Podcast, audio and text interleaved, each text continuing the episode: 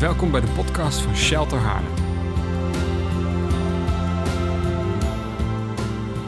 Ik heb een, een uh, onderwerp waarvan ik denk uh, dat het heel belangrijk is. We zitten in een tijd waarin het woord eigen bijna het belangrijkste woord geworden is. Eigen mening, eigen keuzes, uh, eigen belang, uh, eigen land, eigen volk, eigen cultuur. Um, en dat zie je dan ook in allerlei uitslagen. Ik zal geen politiek praatje houden. Uh, maar het is, we zitten in een tijd waarin diversiteit een beetje bedreigend lijkt te zijn. Um, en dat is jammer, en, en zeker voor de kerk is dat jammer. Want ik denk als er ergens een plek is in de maatschappij waar het anders kan en anders zou moeten kunnen, is het de kerk. Ik wil vandaag met jullie kijken naar wat is nou de kracht van eenheid in diversiteit. Het is ook een beetje het verhaal van mijn leven. Uh, dus als je het goed vindt, begin ik even bij het begin. Uh, bij mijn ouders. 60 jaar geleden, dus ze waren dit jaar 60 jaar getrouwd.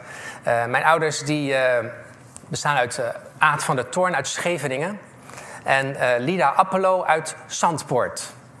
Dus mijn moeder en deze kerk hebben iets gemeenschappelijks. Allebei de wieg stond in, in Zandpoort. Um, mijn moeder verhuisde dus in die tijd, in, in 63 van de vorige eeuw, van Zandpoort naar Scheveningen. en niemand wist wie haar vader en haar moeder was. Dus het was een beetje een, een vreemde in die, in die tijd. Um, Tegenwoordig vragen we dat niet eens meer. Wie is je vader en wie is je moeder? Uh, maar in veel culturen is dat nog steeds belangrijk. Um, en ik ben opgegroeid in Scheveningen uit, een, uit ouders die dus uit twee culturen kwamen um, voor die tijd. Uh, terwijl mijn, mijn kerk stond in, in het centrum van Scheveningen, de oude kerk. Mijn school was heel reformatorisch. Um, en ik woonde nou, een stuk of vijf minuten van de, van de pier van Scheveningen. Um, ik ben heel blank, middenklasse, beschermd opgegroeid. Mijn kerk was ook echt super middelklas blank. En ik had niet zoveel met culturen totdat ik tot geloof kwam. En het leek wel alsof God mij de wereld wilde insturen en mijn ogen opende voor, voor hele andere landen, andere noden. Ik ging studeren in Wageningen om met een, een studie verder te kunnen werken in in de Global South. Toen, toen we dat nog de derde wereld, maar dat zeg je nu niet meer. Um, en terwijl ik daarmee bezig was, begon ik eigenlijk ook te werken onder vluchtelingen in Nederland. veel mensen kwamen naar hier toe. In plaats van dat ik daar naartoe hoefde te gaan, kon ik veel meer mensen bereiken hier in Nederland. Um, en als je uh, zo bezig bent voor God te werken, dan krijg je soms ook een hele verrassende zegen. Um, en dat is uh, mijn vrouw. Jullie weten, die komt niet uit uh, Nederland, maar uit Iran. En eigenlijk sta ik in een soort traditie, want mijn vader heeft dat dus al gedaan in de jaren 60 van de vorige eeuw. Ik heb het alleen naar next level gebracht. um, als je goed kijkt, dan zie je dat we in de sneeuw getrouwd zijn. Dat was 28 december 2000 toen had je nog sneeuw in december, kan je je voorstellen? En uh, ik ben altijd blij dat ik niet de bruid was en zij de bruidegom. Want als je mij in witte kleren in de sneeuw wil fotograferen, dan, dan blijft er echt niks over. Dus, uh, dus ik, uh, ik, was blij dat ze wat zichtbaar was. Um, het verschil tussen de foto trouwfoto van mijn ouders en mij is eigenlijk ook wel symbolisch voor hoe de wereld is veranderd. Hè? Hoe we in korte tijd in Nederland het woord diversiteit wel wat weer zijn gaan verbreden. Ik kan me voorstellen dat veel mensen het vreemd of, of misschien zelfs beangstigend vinden dat hun wijk verandert, dat de buurt anders is geworden. Um, want het is natuurlijk wel een verschil, hè? Of Iran. Dat, is wel, dat zijn wel twee heel verschillende plekken. Uh, maar dat komt vaak omdat we terugkijken in nostalgie. Zo van, oh, was het nog maar zoals vroeger. En vaak vergeten mensen het vooruit te kijken en de positieve kant te zien van diversiteit. Uh, ik heb bijvoorbeeld ook geleerd om niet achteruit, maar vooruit te kijken. De nieuwe generatie is zoveel mooier dan die vorige. Mijn ouders hadden niet zulke mooie kinderen. Als dat ik heb. En dat komt natuurlijk door mijn vrouw, dat besef ik heel goed. Uh, dit zijn uh, Daniel en Eleonora. Uh, mijn oma uit Scheveningen, had ze nog geleefd, had dit halfbloedjes genoemd. Kennen jullie die term nog? Het is eigenlijk een term uit ons koloniaal verleden. Het is, het is geen mooi woord, want eigenlijk zeg je... het zijn kinderen die zijn niet volbloed Nederlands. Ze zijn een beetje verwaterd, halfbloed Nederlands geworden. Geen mooie term en er is ook iets veel mooiers. En dat komt uit de taal van mijn vrouw, het Farsi, het Persisch. Uh, in het Persisch heb je het woord dorage. Do betekent twee en, en raak is uh, ader. Oftewel, die kinderen zijn tweeaderig. Dat is veel mooier, hè? En dat zou je in het Nederlands kunnen vertalen niet als halfbloed, maar dubbelbloed. Ja, toch? Zijn ook dubbel mooi. Uh, maar dat, dat woord, dat, dat ontleen je dus eigenlijk aan een andere taal. Wat je in je eigen taal soms niet hebt, kun je leren uit een andere taal. Nou, dit is ook precies wat ik denk de kracht van diversiteit is. Blinde vlekken in je eigen cultuur kunnen vaak worden uh, geopenbaard, maar ook aangevuld vanuit andere culturen, andere perspectieven. We worden rijker als gemeente, rijker als mens, door te kijken door de bril van andere culturen en andere mensen.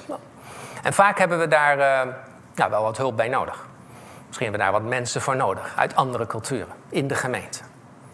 Nou, ik wil met jullie uh, een reis maken die bij mij begon tijdens mijn studie. Ik ging naar Afrika, dit is Togo, um, dit is Pakistan. Overal waar ik kwam, had ik ook altijd een handdoek bij me, namelijk de handdoek van de Oude Kerk Scheveningen. Want je kunt een Scheveninger wel uit Scheveningen halen, maar niet Scheveningen uit een Scheveninger. Dat, uh, Hans Bronsveld, meneer, die weet wat ik bedoel. Nou, um, ik ging naar India en ik ging ook naar Afghanistan. En ik dacht, hoe doe je nou de groeten aan de Oude Kerk Scheveningen vanuit Afghanistan? Uh, Laurens, misschien is dit een tip voor jou als je volgende keer gaat. Um, uh, het was in de jaren, eind jaren 90 van de vorige eeuw. Dat was het begin van de Taliban. Die zaten al in Herat. Dat was zo'n stad waar ze toen al de macht hadden gegrepen. En voordat ik naar Iran ging, dacht ik nog één keer een foto vanuit Afghanistan voor mijn kerk. Dus ik ging uh, naar het, het, lokale kantoor van de Taliban en ik zei: uh, Kan ik met jullie een foto maken? Dat ging ook met handen en voeten hoor, want ze snapten geen één taal, uh, behalve hun eigen.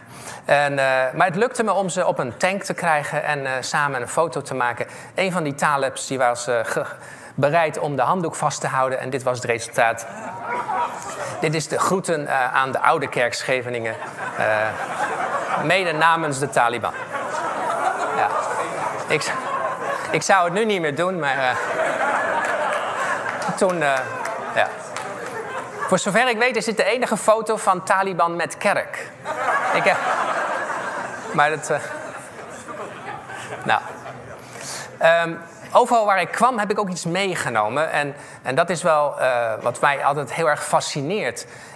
op reis door culturen. Er is overal wel iets te vinden van het geloof wat je als christen deelt maar de uiting, de materialen zijn anders. Batikstof uit Burkina Faso. Uh, of dit Ghanese uh, handwerk met een teken links en rechts van de Ashanti. Dat is een heel oud volk uit Ghana die dit als symbool hebben voor alleen God. Dus alleen God en Jezus gecombineerd in typisch Ghanese werk. Um, enige, het enige kruis wat ik heb wat lekker ruikt is uit India. Dit is gemaakt van sandelhout. Uh, deze is heel speciaal, want die komt uit Iran, uit de stad Esfahan. Uh, zie je ook weer heel ander, hetzelfde kruis, maar een heel ander vorm gegeven. Met alleen vrouwen rond het kruis. Vind ik zo mooi. Dat in een land waar vrouwenrechten ontzettend worden uh, vertreden, daar zie je Jezus te midden van alleen vrouwen. En tot slot nog eentje, en die is ook heel speciaal. Deze heb ik gesmokkeld vanuit Afghanistan. Gemaakt door Afghaanse christenen in het diepste geheim. Uh, dit is een, een tapijtje, typisch Afghaans rood tapijt. Uh, elk volk waar ik kwam had hetzelfde kruis, waar ik ook in geloof. Maar ze gaven er net weer een andere vorm aan. En dit is zo mooi. Dat je hebt iets gemeenschappelijks, maar juist de kracht zit hem in de diversiteit van het gemeenschappelijke. Als het allemaal hetzelfde was, was het niet zo mooi. Was het niet zo bijzonder. En dat is precies wat God ook gedaan heeft toen hij de wereld schiep.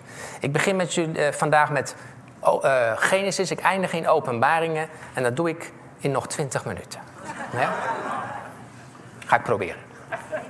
Um, je ziet hier bij uh, de schepping dat God uh, dieren maakte in allerlei vormen en maten. Het is heel, heel interessant om te zien dat als er in de diepzee ergens nog een, een, dier wordt opgedoken, dan is het toch weer een nieuw soort, een nieuw, een nieuw beest wat we niet kenden.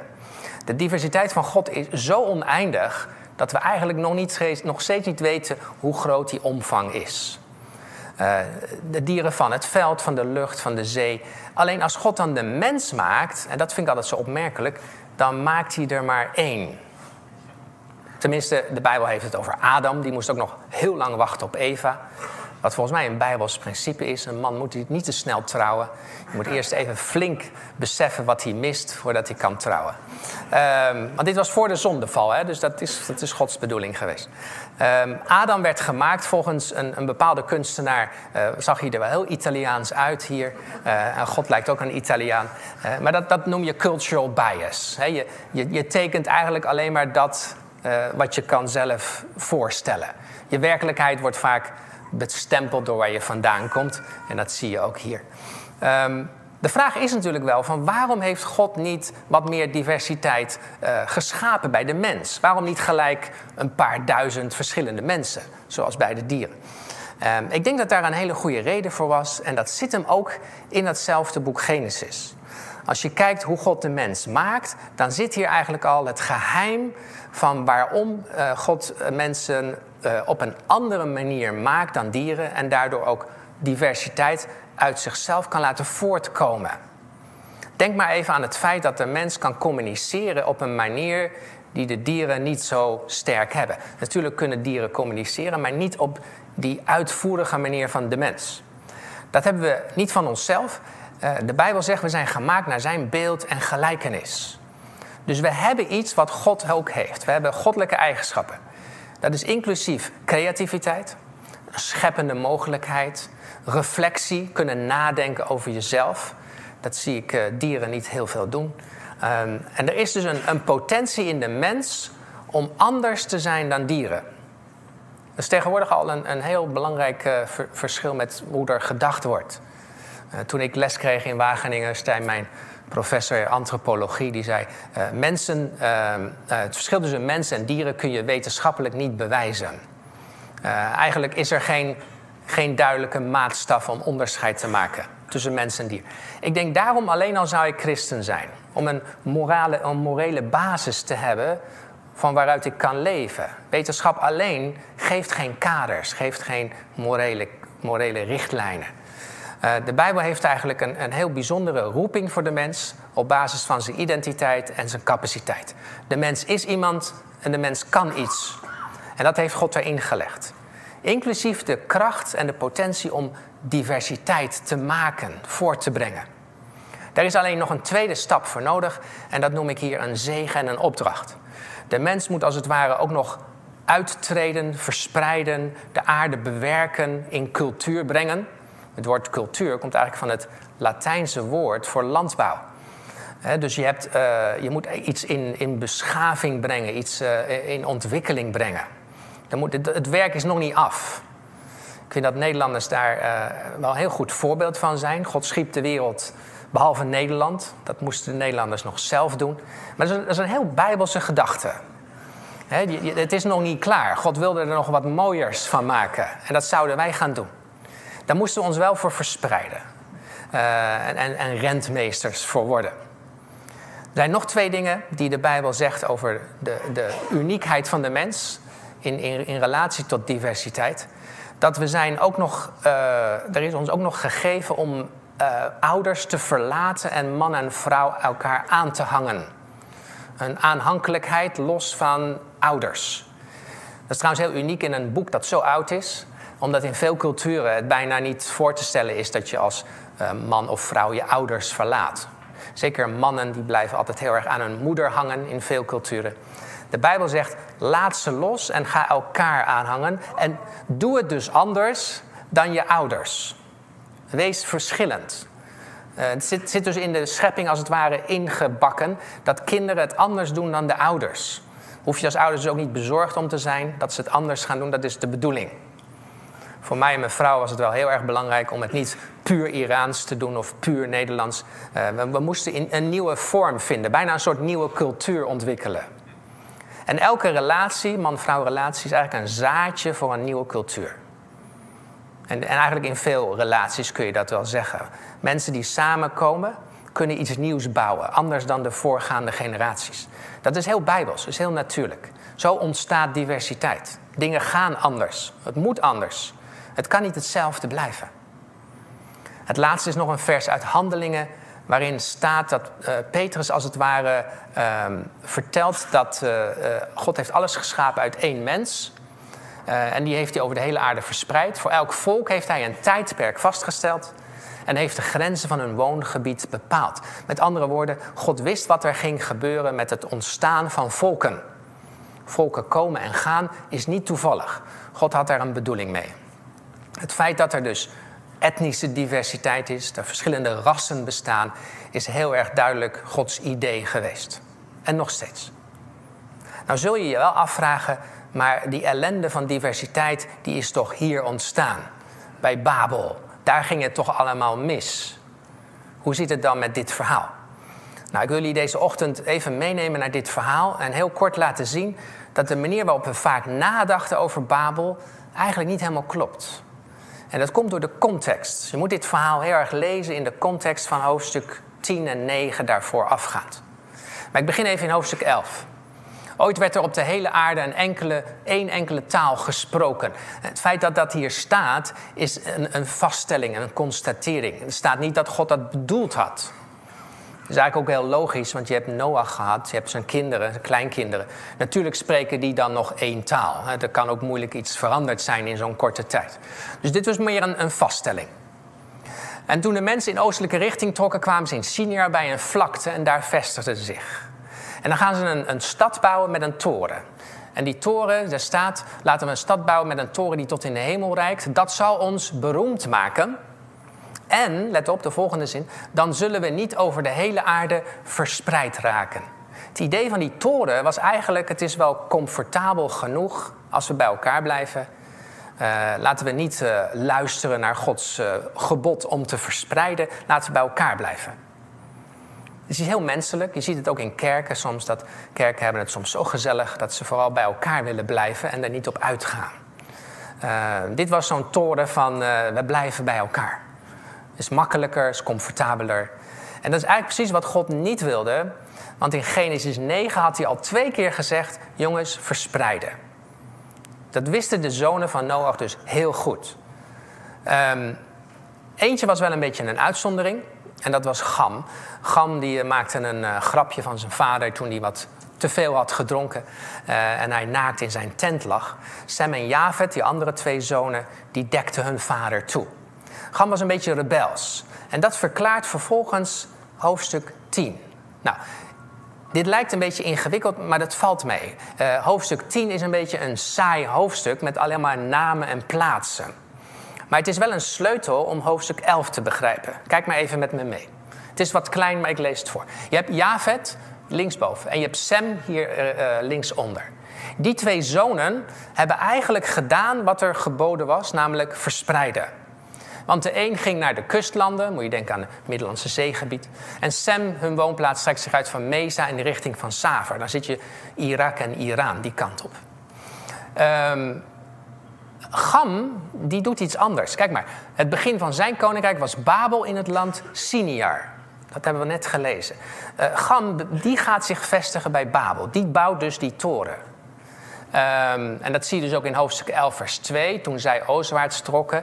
Dat was allemaal Gam en zijn kinderen, zijn nakomelingen. Wat doet hoofdstuk 11 dus eigenlijk? Die zoomt in op één van de drie zonen van Noach.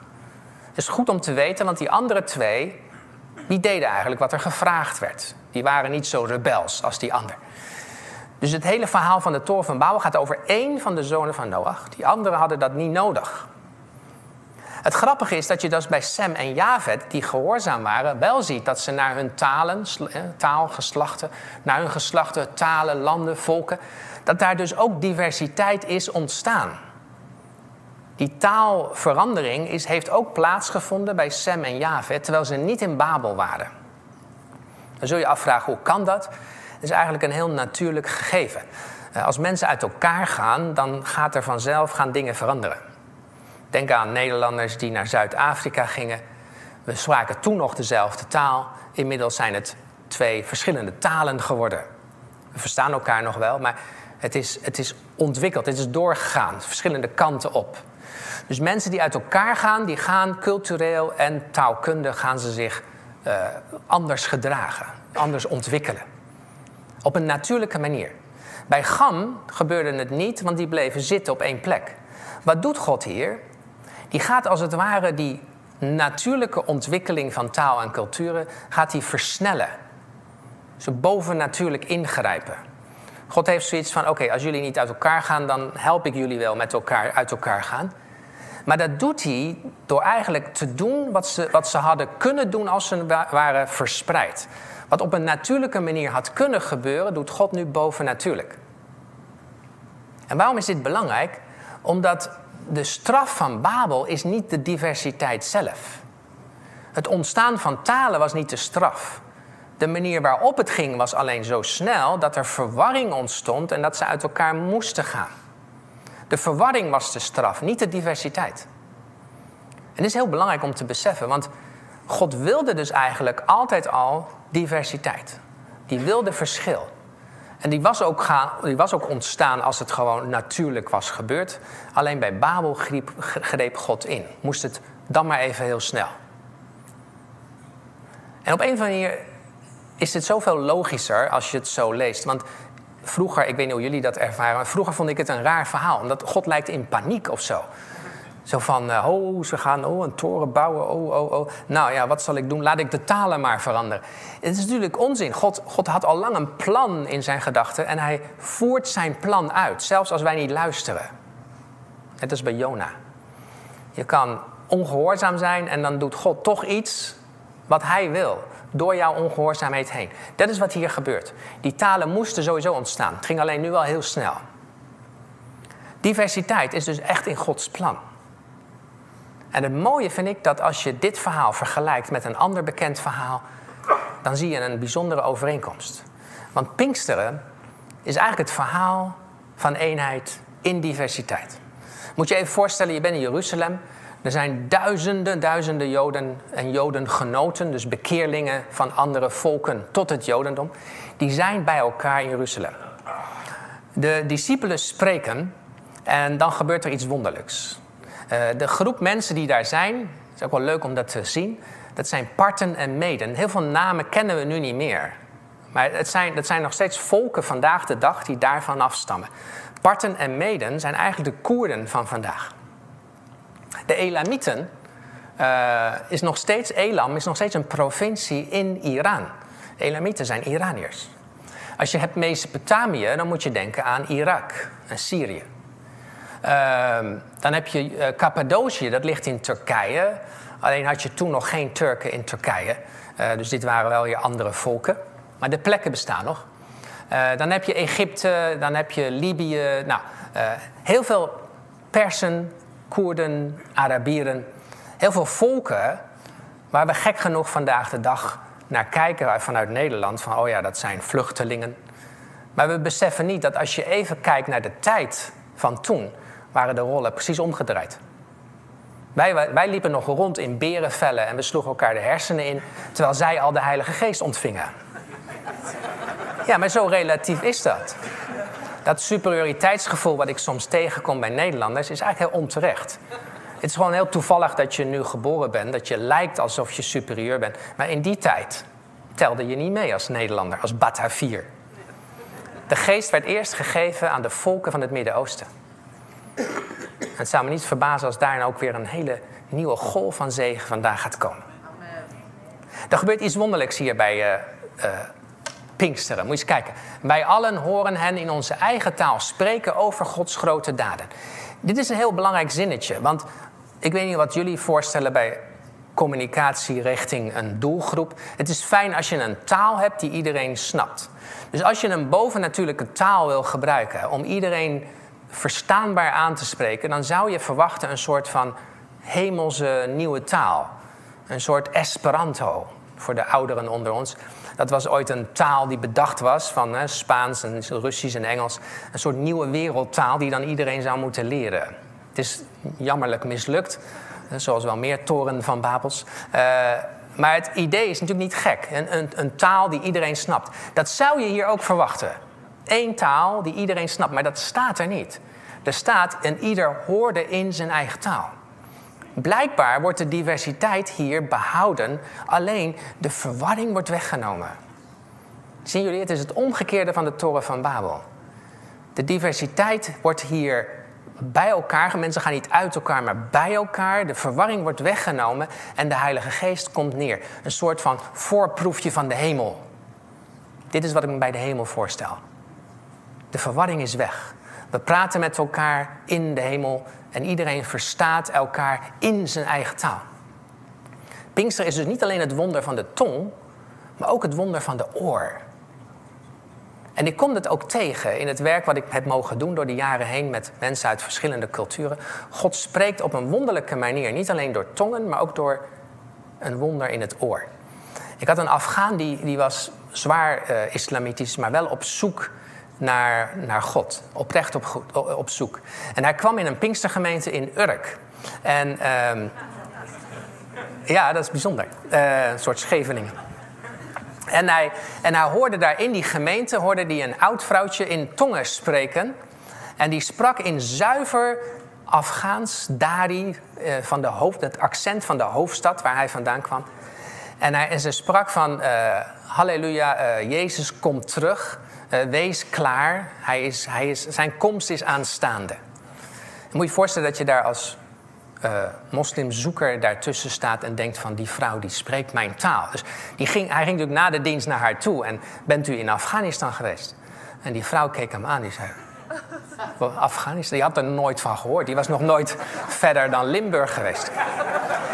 Um, dus hij, hij had een, een bevestiging van God gehad van, nou ja, dit is gewoon, uh, dit is de weg die ik moet gaan. Het was zo'n sterke bevestiging. Dus dit was wel duidelijk een wonder in de tong.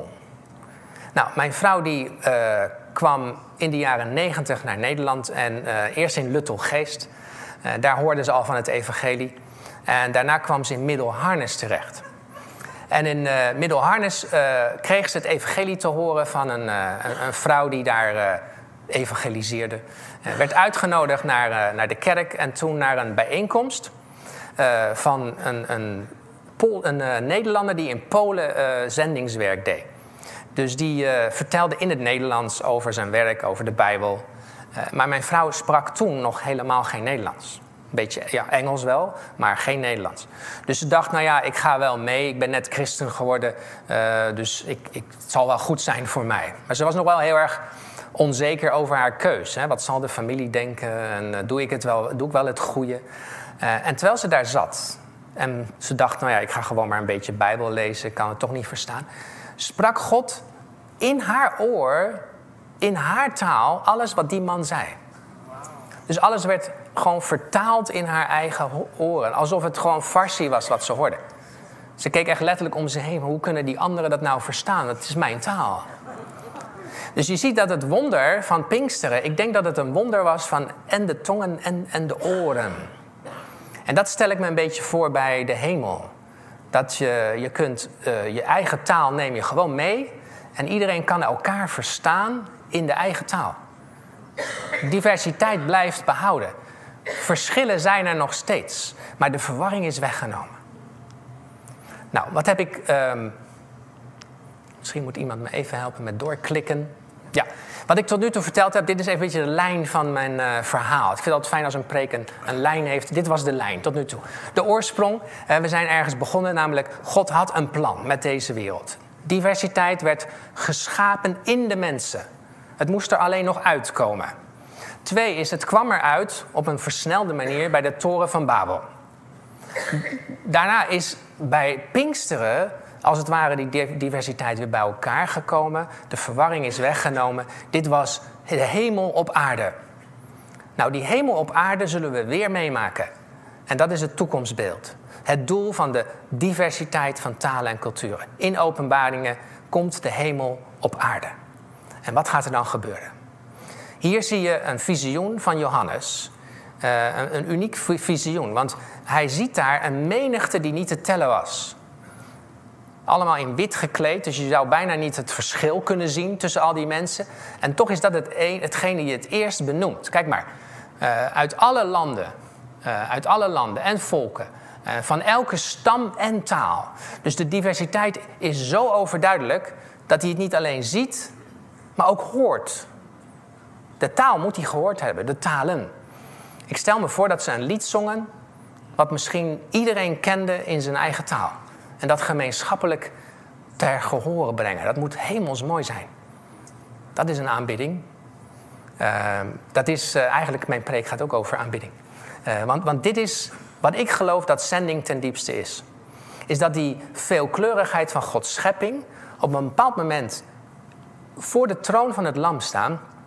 En dat de verbindende factor is dat we door de eeuwen heen en door, tussen alle verschillende volken iemand hebben die ons als het ware uit die uh, verschillen optilt en samensmelt tot één geheel. Met behoud van diversiteit. Waarom? Omdat eigenlijk geen één taal en geen één cultuur kan God aanbidden op de manier die hij waard is. Stel je voor dat je God alleen in het Engels kunt aanbidden. Dat is toch een verarming? Stel je voor dat je God alleen aanbidt met één soort instrument. Of met één soort dans. Of met één soort kleding. God is toch veel groter dan dat. Je hebt de complete diversiteit van de hele wereld nodig om iets te kunnen reflecteren van Gods glorie. Gods glorie is pas compleet als wij werkelijk volmaakt uh, volledig zijn in diversiteit. Er mag niks ontbreken. Daarom zegt Jezus ook: Ik kom pas terug als alle volken het evangelie gehoord hebben. Er moet namelijk van elke volk en taal iemand rond de troon van het Lam zijn. Anders ontbreekt er iets aan zijn glorie. Zending is dus ook niet zozeer zieltjes winnen, het is bijdragen aan de vergroting van Gods glorie. Dat is mooi, hè? Zending is aanbidding. Is zorgen dat Gods glorie kan gereflecteerd worden in iedereen die op de aarde ooit heeft geleefd en elke taal die er ooit is geweest. En daarom hebben we elkaar nodig. Het zou zonde zijn als we een beeld hebben van God die puur Hollands is. Dat is heel beperkt. Ik heb mensen nodig uit andere culturen, juist om mijn godsbeeld te kunnen vergroten. Om te beseffen hoe groot God is. Er staat nog één mooi vers in de Bijbel, die zie je hier rechts. De heerlijkheid en de eer van de volken zullen in dat nieuwe Jeruzalem gebracht worden. Ik weet niet wat jullie erbij voorstellen, maar dat moet iets heel moois zijn. Elk volk heeft blijkbaar iets te bieden. Dat zijn hele verschillende dingen. Uh, de Koerden, mijn vrouw is half Koerdisch. En Koerden die dansen bij alles. Die, die, uh, die gaan de, de, oorlog in dansend. Dus, dus ik zie ze ook zo de hemel ingaan. Dansend. Terwijl de Engelsen in de rij staan met een kopje thee. En, even voor dat contrast. Ehm, dan bij de hemelpoort denk ik, maar dat is meer mijn mening. Ik denk dat bij de Hemelpoort niet Nederlanders staan om ons te verwelkomen. Uh, geen slecht woord over de commissie gastvrijheid. Maar ik, ik, ik, hoop dat er Filipijnen staan. Kennen jullie Filipijnen? Heerlijk volk. Die, van drie kilometer afstand staan ze al te lachen naar je. Je voelt je zo welkom. Ik werk met Filipijnen in Amsterdam Zuidoost. Fantastische mensen. Dus die, die, voelen, die maken je echt welkom voelen. kom je binnen in het hemels Jeruzalem, nou, in de keuken staan alleen Iraniërs. Sorry, maar dat is echt, beter kun je het niet krijgen. Nee, er zal wel meer te eten zijn. Dat, uh, ja. Maar ik denk niet dat er veel Nederlanders in de keuken werken.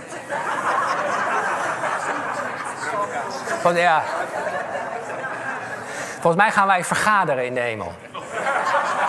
Daar zijn we heel goed in. Ja, we nemen wel mooie dingen mee hoor. Ik, ik, uh, de gezelligheid. Ja. We, we, nemen volgens mij ook wel heel veel uh, schilderijen mee. Ik denk alle Rembrandts gaan mee naar het hemels Jeruzalem. Dat moet ja. Er zijn, er zijn, ik denk ieder volk wat op aarde al gemaakt is, heeft iets voortgebracht wat eeuwigheidswaarde heeft. Dit, dit, dit leven is niet voor niks tijdelijk, verdoemd om te verbranden de, de eer en de heerlijkheid van de volken zijn nu al zichtbaar. Het moet alleen nog misschien wat geheiligd worden. Het moet nog meegenomen worden. Maar het wordt een fantastisch feest. En ik zie daar naar uit. En het leuke is van deze tijd, en dat is uniek, dit heeft nog nooit eerder gekund in de tijd van de wereld. In deze tijd kun je al een beetje proeven van wat we straks in de hemel meemaken. De diversiteit die we nu al hebben in de kerken, kan er al een beetje uitkomen. We moeten het soms alleen een beetje ruimte geven. En daarom gaan we nog één ding doen. Het laatste. Ja? Ja. Nou, kijk, het idee is dit. We zijn met veel mensen, maar ik, ik denk als iedereen in een, een cirkel gaat niet lukken, maar een soort van slinger zo, van dat iedereen elkaars handen vastpakt. Dan wil ik vragen aan degene die Nederlands niet als moedertaal hebben. Dus misschien heb je, uh, spreek je Papiamento of Spaans of Farsi of Fries, dat mag ook. Uh, Twents. Uh, het maakt me niet uit. Een taal die we normaliter niet horen hier in de kerk. Dat degene die een andere taal kunnen spreken, dat die dat in die taal even kort doen. Ik wil dus een paar gebeden horen. Kort, hè? Dus, dus geen lange gebeden. Gewoon even een gebed ter ere van God. Vergroot God. Zeg maar iets dat hem groot maakt. In je eigen taal. Nou zullen er mensen zeggen, ja maar dat versta ik niet. Nee, dat klopt, maar in de geest wel. Je hoeft niet altijd alles te snappen met je hoofd. Uh, dus als mensen bidden in een andere taal, roep maar amen. En dan gaan we naar de volgende. En moet je eens kijken wat er gebeurt. Ik heb dit vaker gedaan. Er gebeurt iets. Maar dat moet je even ervaren. Dus laten we allemaal gaan staan. Pak elkaars hand. En wees vrijmoedig. Voor degenen die een andere taal kennen.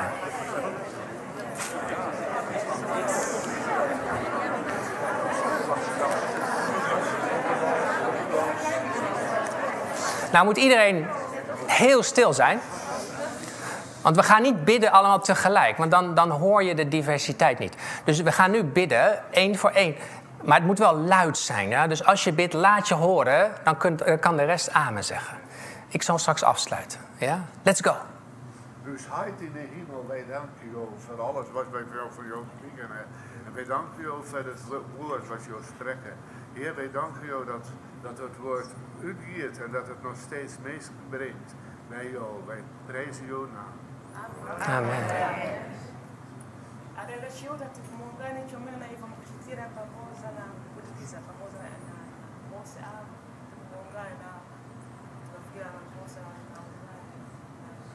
Amen. Amen. Pai,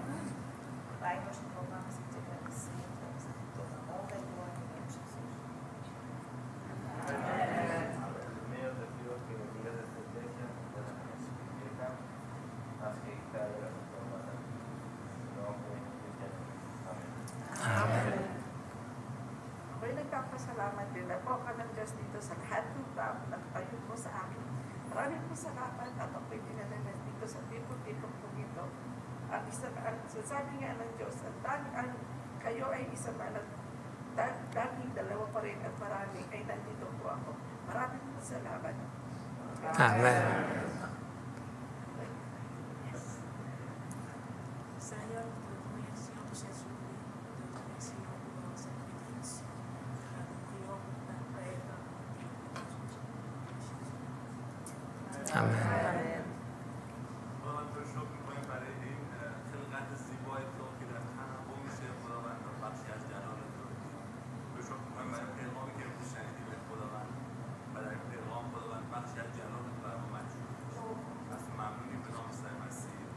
Amém.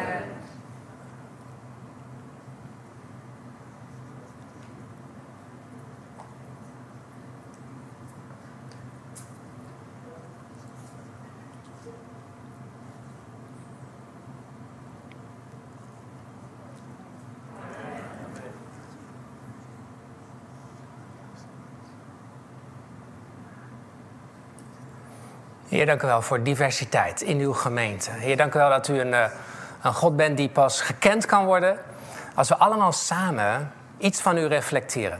Dank u wel dat deze gemeente ook een gemeente is van diversiteit. En dat we verbonden zijn door die ene naam. En dat we samen Hem groot kunnen maken. Dank u wel, in Jezus' naam. Amen.